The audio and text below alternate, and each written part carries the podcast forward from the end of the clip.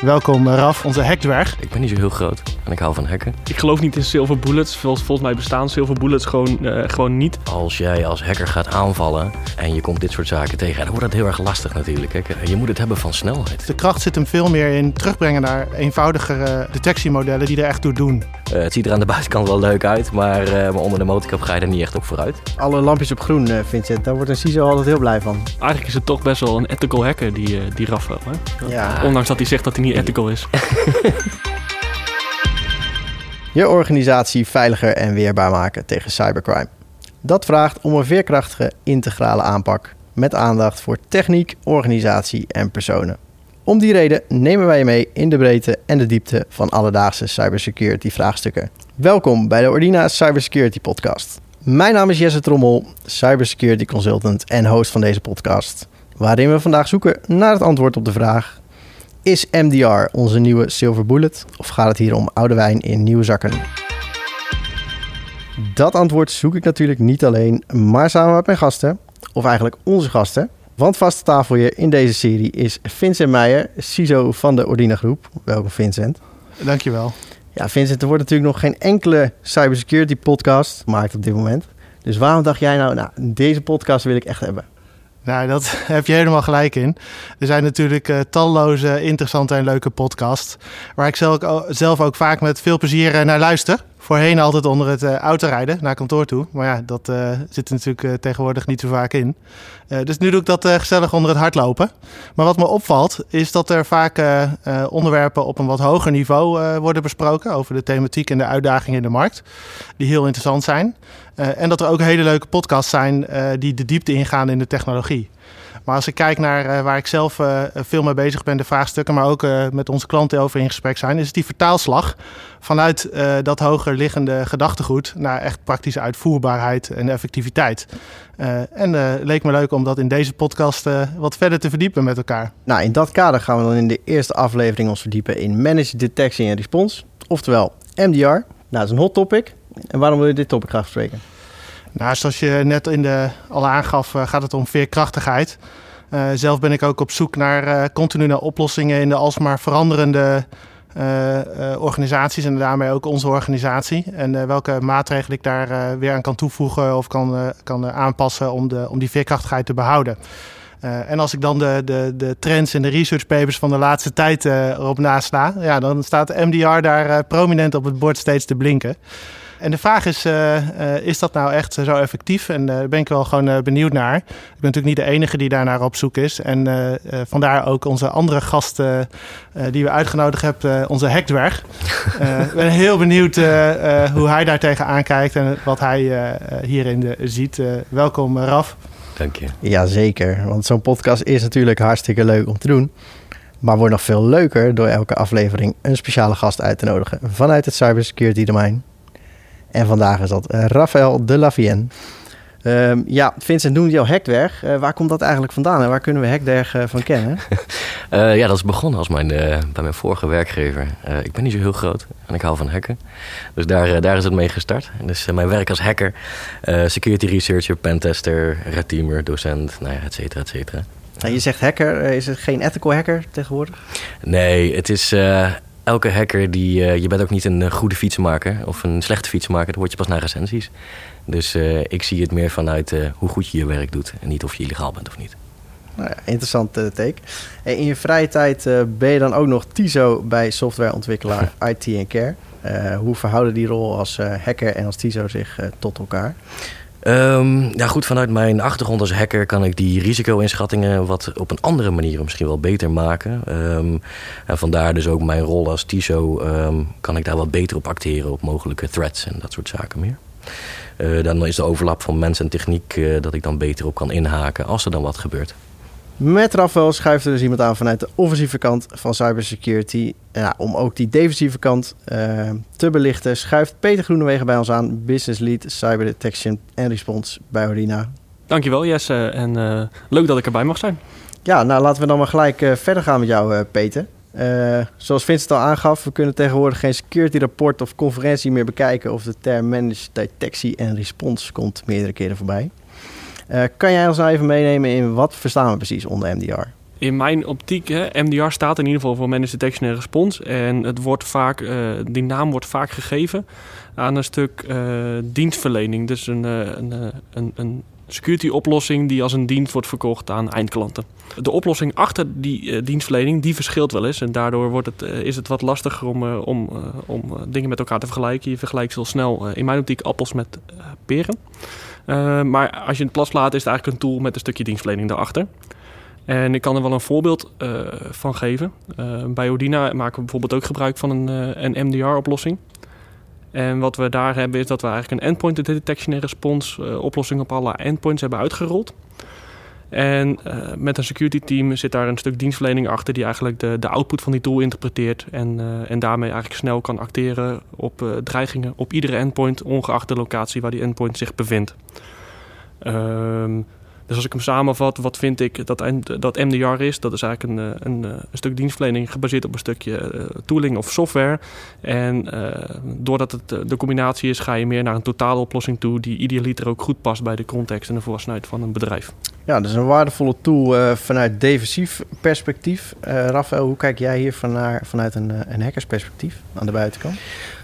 ja, vanuit een hackersperspectief. Je moet het hebben van snelheid. Um, als um, als jij als hacker gaat aanvallen um, en je komt dit soort zaken tegen, dan wordt het heel erg lastig natuurlijk. Hè? Als, jij, als jij een bedrijf hebt die heel goed zijn zaken op orde heeft uh, met betrekking tot eh, MDR, dan uh, is de kans dat je gedetecteerd wordt zoveel malen groter. Omdat het bedrijf die daarachter hangt ook gewoon een goed gevoel heeft voor security. Althans, ze rollen een dienstverlening uit, naar mijn inziens, die, die een bedrijf kan ondersteunen om een proactieve benadering te hebben tot security. Um, dus dan maak je eigenlijk dus de transitie van reactief, het simpel verzamelen van logs of iets dergelijks, um, naar een hele proactieve dienst, waardoor je als eerste gewaarschuwd kan worden tot dit soort zaken. Nou, organisaties die dus gebruik maken van MDR, die maken het leven van een hacker dus wat moeilijker. En tot zover ook wat je terugziet bij de trendwatchers en de rapporten. En daar wordt de MDR ook steeds vaker gepresenteerd als de silver bullet van je organisatie. Nou mannen, in hoever is MDR die silver bullet als het gaat om je defensieve operatie? Dus we beginnen met Peter. Niet. Nou, bedankt Punt. Peter. Leg die even uit. Uh, nee, ja, uh, ik geloof niet in silver bullets. Volgens, volgens mij bestaan silver bullets gewoon, uh, gewoon niet. Uh, wat een hele goede oplossing is voor de ene organisatie, kan helemaal geen goede oplossing zijn voor een andere organisatie. Dus het gaat echt om, echt om de context waarin je die oplossing gepresenteerd als silver bullet dan zou inzetten. De reden waarom ik hier redelijk stellig op reageerde, het wordt, er worden best wel veel oplossingen gewoon als silver bullets gepresenteerd. En voor joh, nou als je dit koopt of als je dit implementeert, nou dan ben je, dan ben je veilig. Dan heb je het echt goed voor elkaar als organisatie. En wat je dan ziet gebeuren, en dat is best wel logisch, dat organisaties dus één gevoed door trendwatchers, twee gevoed door vendoren, denken we nou weet je wat, schaffen we dat aan, zijn we veilig. En daarmee eigenlijk een soort van vals gevoel van uh, veiligheid krijgen.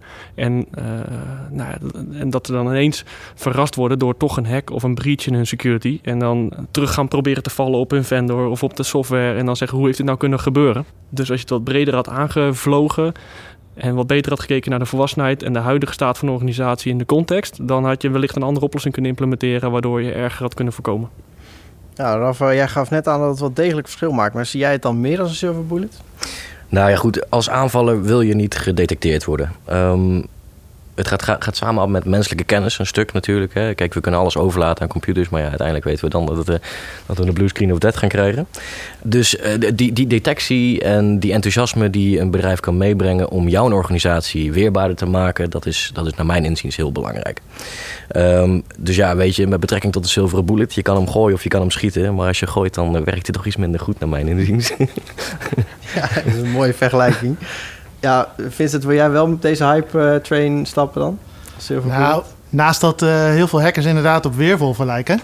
oh. Uh, werkt het precies zoals Peter net zegt... moet je wat naar de bredere chain kijken van je organisatie... om ook te kunnen beoordelen waar dit echt effectief risico's mitigeert. En zo zie je dat het vaak uit een, een samenstelling van oplossingen echt je organisatie een stuk weerbaarder kan maken. En dat het niet één oplossing is die daar een silver bullet in kan bieden.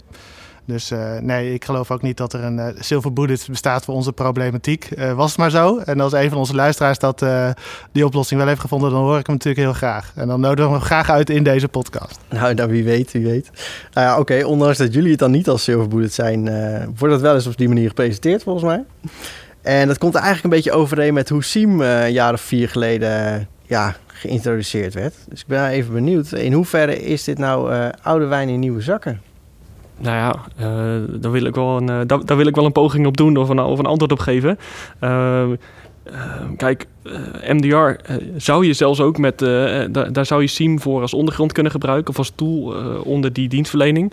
Je ziet alleen op dit moment dat er gewoon heel vaak gebruik wordt gemaakt van EDR, Endpoint Detection and Response, en dat dan als dienst wordt aangeboden. SIEM is van een aantal jaar terug natuurlijk. Wordt nog steeds heel veel ingezet en doorontwikkeld. En destijds werd SIEM inderdaad echt als de oplossing gepresenteerd. Van joh, als je echt serieus met security bezig wil, dan moet je gewoon een SIEM nemen. Kun je alles monitoren, kun je alles zien, eh, kun je alles beveiligen. Um, een aantal jaar verder, volgens mij mag je wel tot de conclusie komen dat uh, ook SIEM, als je hem gewoon inzet en daar uh, niet goed mee oplet, eigenlijk de, eigenlijk de, punten die Vincent net al benoemde, dan ga je gewoon nooit het resultaat behalen wat er van tevoren beloofd is door de trendwatches, door de vendoren, door de markt. Eigenlijk is dan mijn samenvatting: a fool with a tool is still a fool. Uh, dus het gaat er echt om van hoe pas je het toe. Uh, en dan maakt het niet uit of het een EDR is of een SIEM of een firewall of whatever security product. Ja, dat zie je ook wel een beetje. Fool with the tool is still a fool. Dat zie je ook wel een beetje binnen eh, het offensieve land. Hè. Dus dat, dat pentesten, daadwerkelijke zwaardere pentesten, die worden gewoon. Nou ja, die, worden, die zijn eigenlijk onder de motorkap zijn ze een scantest. Hè. Je krijgt als eh, organisatie krijg je dan vervolgens een rapportje over de bühne gegooid. En daar moet je het maar mee doen. Er is geen, uh, er is geen uitleg. Uh, nou ja, links onderin zie je nog een watermerk van Nessus staan, bij wijze van spreken. Uh, dat, dat, op die manier wordt het verkocht. En nou, naar mijn inziens komt het ook wel een beetje over met oude wijn en nieuwe zakken. Een Porsche met een Fiat motor. Uh, het ziet er aan de buitenkant wel leuk uit, maar, uh, maar, onder de motorkap ga je er niet echt op vooruit. En dat denk ik, daar, daar zoekt een organisatie wel naar. Ja, ja. ik zie ook wel, uh, heb natuurlijk ook de beginjaren van SIEM actief meegemaakt. Mm -hmm. Dat leek destijds, werd het inderdaad ook gepresenteerd als de silver bullet voor al onze security problemen. Ja, ja. heeft ons met een hoop meer problemen opgezadeld vaak. en meestal met als oorzaak omdat we niet naar de context kijken waarop we het wilden toepassen, maar gewoon een, eh, een oplossing goed wilden implementeren. Nou, dan hebben we een mooie check in the box, uh, zoals we in veel van onze normen hebben. We hebben een mooie logging en monitoring tool. Um, wat, je, wat ik daar ook veel zie, en dat vergelijk ik met, uh, met MDR, is dat veel bedrijven proberen dat zelf te doen. En dan zie je dat gewoon die expertise vaak moeilijk in huis te halen is, of in ieder geval ook te behouden is. En dat het dan ook moeilijk wordt om zo'n complexe oplossing uh, ja, zijn, goede werk te laten doen. Want het is niet iets wat je aanzet en dan uh, blijft het vervolgens werken. Het is iets wat uh, een continu proces is en continu geoptimaliseerd moet worden op de processen van de organisatie. Nou, daar is MDR als Managed Detection en Response daar een mooie oplossing voor gekomen om die expertise in te kopen. En daar zie ik ook wel echt de toegevoegde waarde van, van MDR, is dat je die expertise, specifieke security expertise, inkoopt en niet meer zelf hoeft op te bouwen. Maar ja, wil je het echt uh, effectief laten zijn, dan moet je toch wel die businessrelevantie kunnen toevoegen. Of het echt een risico voor jouw business is, of dat het alleen een technisch geconstateerd risico is. ja, dat moet je toch wel echt in huis doen. als je MDR dan wederom weer als afgebakend silo oplossing gaat zien, ja, dan is het wel oude wijn in nieuwe zakken. Ga je nou echt eens gebruik maken van uh, expertise van buitenaf, gecombineerd met de businesskennis van in je organisatie en je maakt daar één geheel van, dan kun je denk ik iets heel moois doen. Ja, check. Ik heb er wel een, een gedachte bij. Beide oplossingen zijn prima in staat om best wel heel veel uiteenlopende risico's voor een organisatie te detecteren.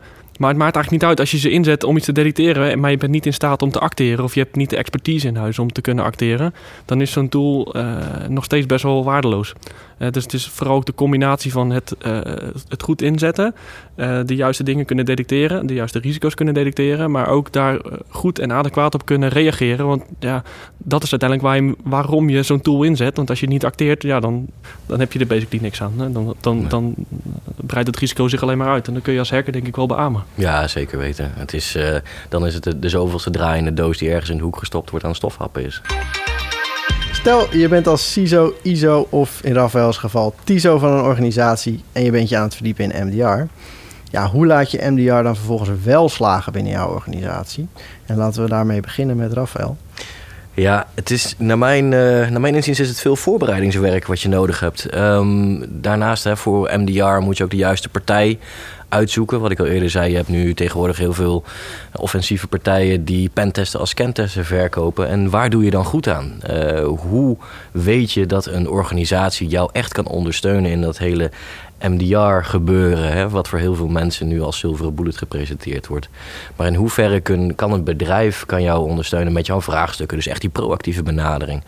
Uh, dat vergt niet alleen heel veel voorbereidingswerk uh, om het uit te zoeken, maar ook om je hele landschap klaar te maken daarvoor natuurlijk.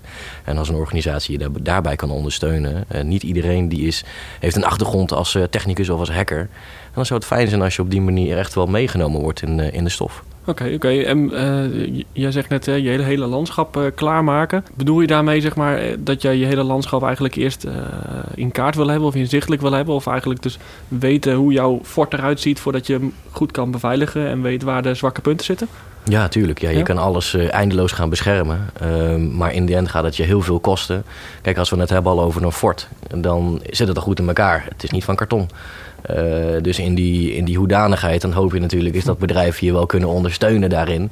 Dat als ze kijken, nou oké, okay, hier zitten wel je zwakke plekken, laten we daar juist wat meer versterking aan gaan toepassen. In mijn optiek is dat het beste wat je kan doen, want anders blijf je alleen maar bezig. Ja, en daar zou jij uh, eigenlijk mee starten, uh, alvorens je de, de, de step-up naar MDR maakt. Ja, tuurlijk. ja. Okay, cool. ja, dus echt, echt een nulmeting starten ja. en van daaruit gaan kijken in hoeverre kan je de spullenboel nog meer versterken. Ik denk dat dat een, uh, een stap is richting vulnerability management. Hmm. Uh, daarmee breng je natuurlijk juist uh, je omgeving in kaart en heb je het, het, het, inzicht in hoe het eruit ziet, waar de kwetsbaarheden zitten, ja. waar de zwakke plekken zitten. Ja. Cool. En dat gaan we wel een beetje van de route, Jesse, voor deze podcast. Dus laten we kijken of we vulnerability management in, een, in een toekomstige keer kunnen adresseren.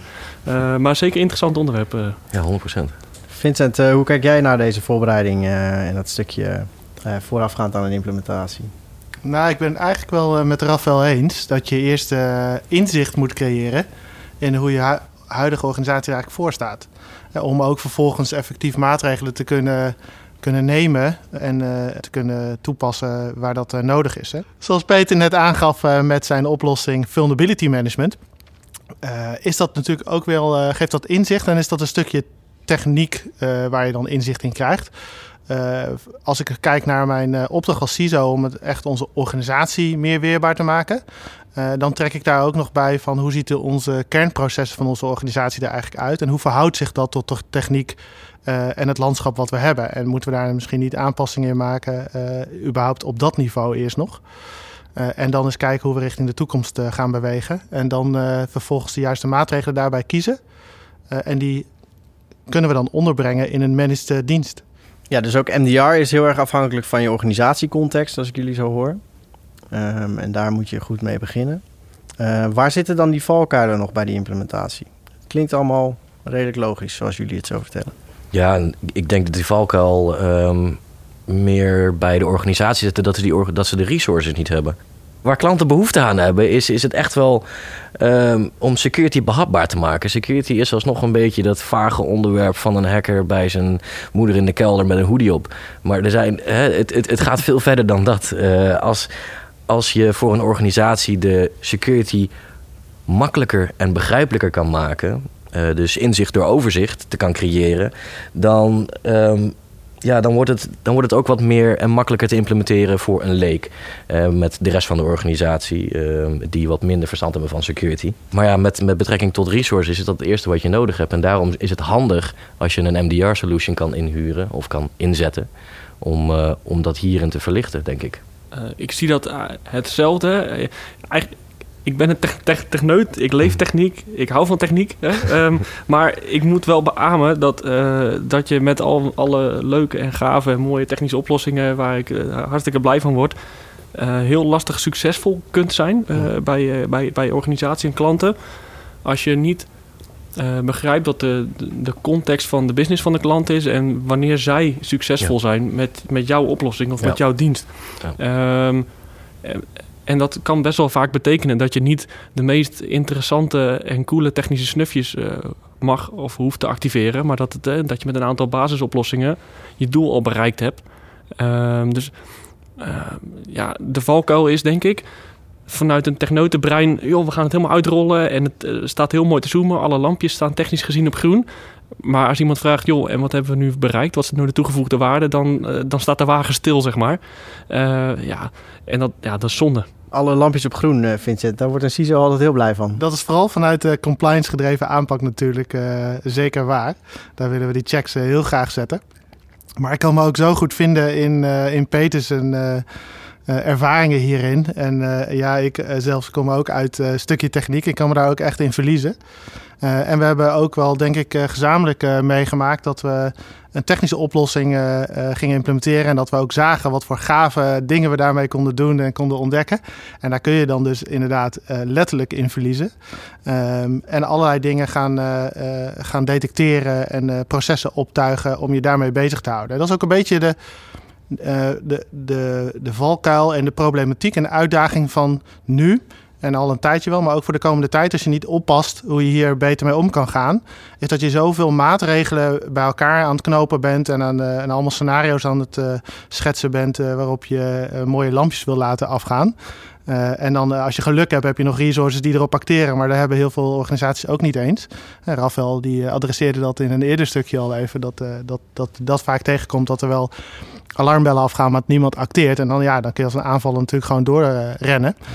Uh, maar het grote probleem wat er eigenlijk nog achter schuilt, is dat je gewoon een unmanageable hoeveelheid en complexiteit op je hals haalt. Dus de kracht zit hem veel meer in terugbrengen naar uh, eenvoudigere uh, detectiemodellen die er echt toe doen. En daar heb je gewoon die business context voor nodig.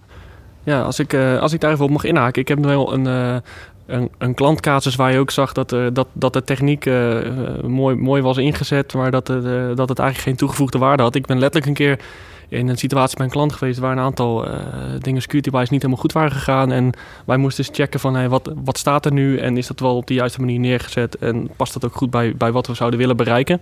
Toen stuiten we letterlijk op een, op een firewall die, nou, die onder monitoring stond, die was netjes geïmplementeerd. Maar toen we eens goed naar de rulebase en, uh, en, uh, en, en, naar de geïmplementeerde blades keken, dan bleek letterlijk dat die machine gewoon alles doorliet, zeg maar, als, als zijn een soort van router. Um, maar vanuit het security team was zoiets, nou, we hebben het best goed geregeld, we hebben een hartstikke goede firewall hier neergezet. Maar ja, als die niks filtert en niks blokkeert, um, ja, dan helpt het niet zo, hè. Uh, dus, dat is wellicht een simpel voorbeeld, maar dat kun je natuurlijk ook doortrekken naar een, naar een, naar een SIEM of een MDR of nou, noem maar op. Als je hem gewoon implementeert, maar je koppelt het niet aan de context, aan de risico's. Je haalt niet de juiste eh, detecties eruit eh, of je acteert er niet op. Ja, dan heb je een, mooi, een mooie oplossing die staat te draaien, technisch gezien. Uh, maar het voegt geen waarde toe. En waarom noemen we in deze context eigenlijk nooit klantnamen in deze sector? Ja, nou ja waarom geen klantnamen? Uh, dat zal toch wel heel grof zijn, want anders ga je met je billen bloot over je eigen security-landschap die niet op orde is. Uh, dat is lastig. Uh, het is een beetje ook, denk ik, wel respect. een stukje respect voor de klant, een stukje Uh, ja, weet je, het is niet overal perfect. Uh, in elke keuken vindt wel ergens een keertje een rotte aardappel. Uh, ja, weet je, moet je niet doen. Ja, en ik, ik denk ook niet dat, het, dat we naar een setting moeten van, van guilt en blame en shame. Nee. Naming en shaming. Ja, exact. Ik krijg natuurlijk als CISO ook regelmatig mooie responsible disclosure meldingen van, uh, van hackers. En ik ben er heel blij mee en uh, de manier waarop dat gaat. En het is nooit de intentie om uh, een wall of shame te creëren op landelijk niveau. Maar dat we met nee. elkaar zorgen dat die infrastructuur van, van Nederland verbeterd wordt. Ja, je, je probeert bedrijven te ondersteunen. en dat ga je niet doen door middel van ze even aan de, aan de schandpaal te hangen. Nee. Dus eigenlijk is het toch best wel een ethical hacker, die, die Rafael. Hè? Dat, ja. Ondanks dat hij zegt dat hij niet ethical is. ja, het, het, het, principe dat je jezelf moet verklaren als ethical, dat vind ik nog alweer lastig. Hè? Nou, nou zitten we dit afgelopen jaar natuurlijk in, uh, in een bijzondere COVID-tijdperk. Uh, waar we al met z'n allen hybride aan het werken zijn, zowel thuis en op kantoor. Uh, ja, welke stappen moet je dan in het borgen van een MDR-proces nemen in dat nieuwe post-COVID-tijdperk waar we eigenlijk al in zitten? Vincent? Nou, naast dat we in een COVID slash naar post COVID-periode gaan, denk ik dat we al langer in een digitale transformatie-setting zitten. Ik denk dat COVID meer een beetje een goede push is dat veel bedrijven daarin versnellen. Ehm, en ik denk dat het goed is dat we vanuit dit soort type maatregelen die we, of security maatregelen die we proberen toe te passen om onze organisaties veiliger en meer weerbaar te maken. Even een stap terug doen, dat het een mooie gelegenheid daarvoor is om ons te realiseren dat uh, met de digitale uh, transformaties ook die businessmodellen veranderen. En we zijn vanuit traditionele aanpak best wel gewend. En vooral als CISO, en dit klinkt misschien een beetje gek als CISO. wat ik nu ga zeggen is dat je misschien dat compliance gedachtegoed een beetje wat meer los moeten laten. het is overigens wel begrijpelijk dat we heel lang compliance als, als eerste handvat hebben beetgepakt omdat het echt tastbaar was. Het is best wel lastig om uh, security maatregelen of de toepassing ervan op een business context echt vast te kunnen pakken. En met, met normen en eisen ja, ligt er wel wat voor je voeten wat je gewoon kan oppakken en kan gaan proberen toe te passen. Um, maar met die digitale trans transitie verandert alles uh, uh, weer. En de komende jaren verwacht ik ook dat uh, businessmodellen continu zullen blijven veranderen. Wil je competitief kunnen blijven in de markt. Dus wil je naar de juiste oplossing toe, waaronder MDR, is het goed om te kijken naar je, naar je model. En daar selectie te doen over de integrale as. Dus wel zo over techniek. Nou, die hebben we vandaag natuurlijk ook best wel veel gehoord, hè, de technische aspecten. Maar ook even naar die organisatieprocessen en vooral ook naar die menselijke aspecten. En dan de juiste MDR-oplossingen. Zoals Peter in zijn begin ook al aangaf, wat is MDR? Zoals ik naar MDR kijk, is dat een ingehuurde dienst die gebruik maakt van verschillende soorten tooling. Dat zou ook bijvoorbeeld die SIEM kunnen zijn waar we het tegenaf hebben gezet. Uh, maar kies dan wel vooral degene die effectief zijn op die veranderende businessmodellen van je. En zorg dat je ook veerkrachtig blijft in die verandering die er steeds, uh, waar je steeds als organisatie mee geconfronteerd wordt. Ik denk dat dat echt wel key is in, in de approach voor de komende jaren. Dus meegaan in de verandering die je organisatie, die de organisatie te wachten staat, mannen. Hebben jullie ja. daar nog een mening over? Nee, compleet mee eens. Vincent die heeft alle mooie woorden gezegd. Ja. nou, het is misschien, misschien leuk om er een, er een voorbeeldje vanuit de praktijk tegenaan te plakken. Um, wat we hebben gezien uh, toen, uh, toen COVID kwam, en er waren natuurlijk ineens hele strikte lockdowns. En vanuit, wat, vanuit het, het stukje MDR wat we in de eerste instantie hadden, of een stukje monitoring en respons wat we hadden, die waren heel erg, die oplossingen waren heel erg eh, gefocust op ons kantoornetwerk. Want joh, eh, iedere dag komt bijna iedere collega gewoon lekker naar kantoor. En het positieve was uh, dat we toen de lockdown kwam, ineens ons netwerk een heel stuk veiliger was. Want er kwamen bijna geen alerts meer. Dus we hadden onze security was top voor elkaar als je op de maandrapportage keek. Um, de realiteit is natuurlijk anders. De mensen kwamen niet naar kantoor. Dus die dus quotejes onveilige werkplek, die stond ergens thuis achter een ADSL-modem. En wij waren het zicht kwijt. Dat vraagt dus ineens uh, best wel snel om een hele andere aanpak. Dus dat, nou, die hebben we uiteindelijk voor, uh, voor een aantal organisaties ook uitgerold. Hè, door bijvoorbeeld juist een MDR-oplossing uh, uit te rollen. Dat was in dit geval gebaseerd op een EDR-oplossing. waarop we eigenlijk op iedere werkplek anytime, any location, zeg maar, gewoon konden zien wat, wat speelt zich af. En als er een risico was, konden we zonder tussenkomst van de gebruiker direct acteren. En dat heeft ons echt enorme, een, een enorme stap vooruit uh, geholpen. En ik denk, ja, post-COVID, er veranderen gewoon een aantal dingen. Ik denk niet meer dat we met z'n allen naar, kantoor gaan. Dus de, de, de werkplek zal veel meer hybride zijn.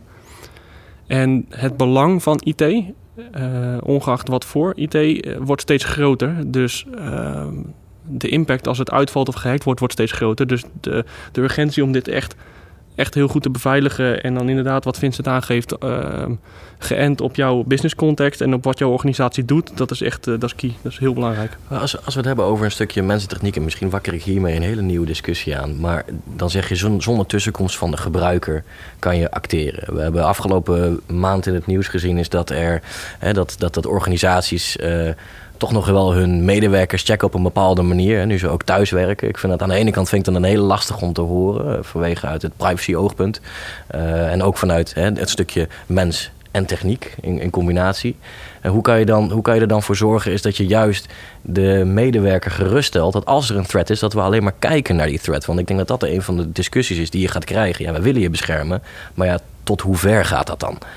Ja, dat is niet uh, wat je gaat krijgen. Dat is waar we nu al mee geconfronteerd worden. Ja, ja. Want inderdaad, zoals Peter zegt, uh, waren we gedeeltelijk blind. En ik denk mm -hmm. dat andere organisaties dat ook herkennen. Uh, we hebben toen versneld een maatregel uitgerold... omdat we ten eerste weer opnieuw inzicht moesten zien te krijgen. Mm -hmm. Dus hoe ziet ons landschap eruit buiten ons kantoornetwerk...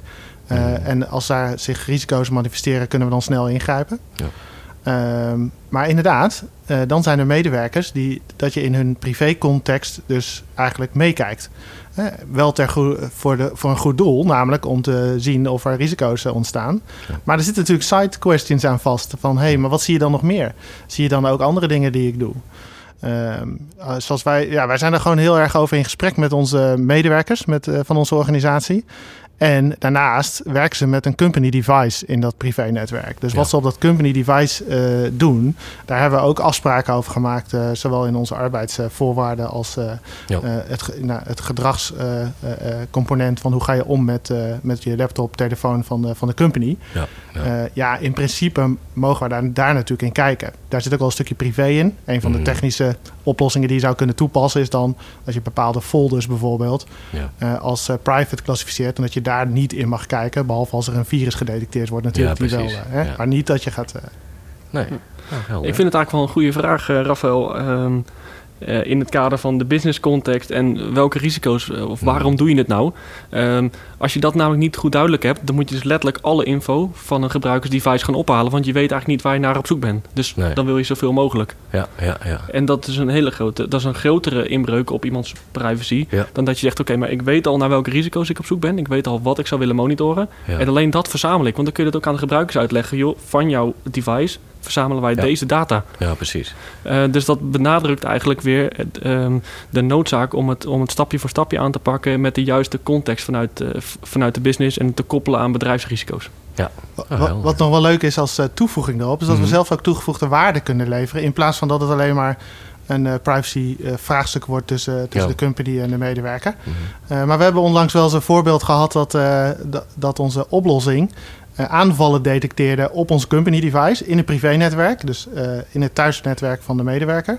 Uh, en dat we het, ons, onze company device eigenlijk contained hadden en niet, geen risico liep daarmee. Ja. Maar dat we wel de medewerker konden informeren en opbellen van hey, denk dat het goed is dat je ook even je netwerk, uh, alles wat op je netwerk aangesloten is, thuis ook even controleert. Want er ja, waart ja, wel precies. een virus rond in je netwerk. En dan ja. uh, kan ze iemand daar natuurlijk privé ook voor aan, uh, risico's zeker. lopen. En daarmee zijn we alweer aan het einde gekomen van deze podcast. En wil ik van alle gasten nog even een korte wrap-up op de handvraag. Zien jullie MDR als de nieuwe Silver Bullet? Of gaat het hier om oude wijn in nieuwe zakken? Rafael? Beide niet. Peter? Ik zie het niet als nieuwe Silver Bullet. Zo wordt hij wel gepresenteerd. En, en, daarmee vind ik het ook een klein beetje oude wijn in nieuwe zakken. Vincent? It depends. Maar mijn eerste reactie voor beide nee. Nou, mooie takeaways zo aan het einde van deze eerste podcast. Toch zie ik nog wel wat losse eindjes uh, rondom die holistische aanpak die we een aantal keer de revue hebben laten passeren. Dus laten we daar eigenlijk in de volgende aflevering uh, verder gaan. Dus dit was hem dan, de eerste aflevering van de Ordina Cybersecurity Podcast. Dank aan onze gesprekspartners Peter Groenewegen. Ja, jij ook bedankt. Het was hartstikke leuk. Vincent Meijer. Ja, leuk. Dankjewel. Heel leuk. En een speciale dank aan onze gast Hekdwerg, oftewel Rafael de Lavienne. Ja, geen probleem. Dankjewel dat ik er mocht zijn.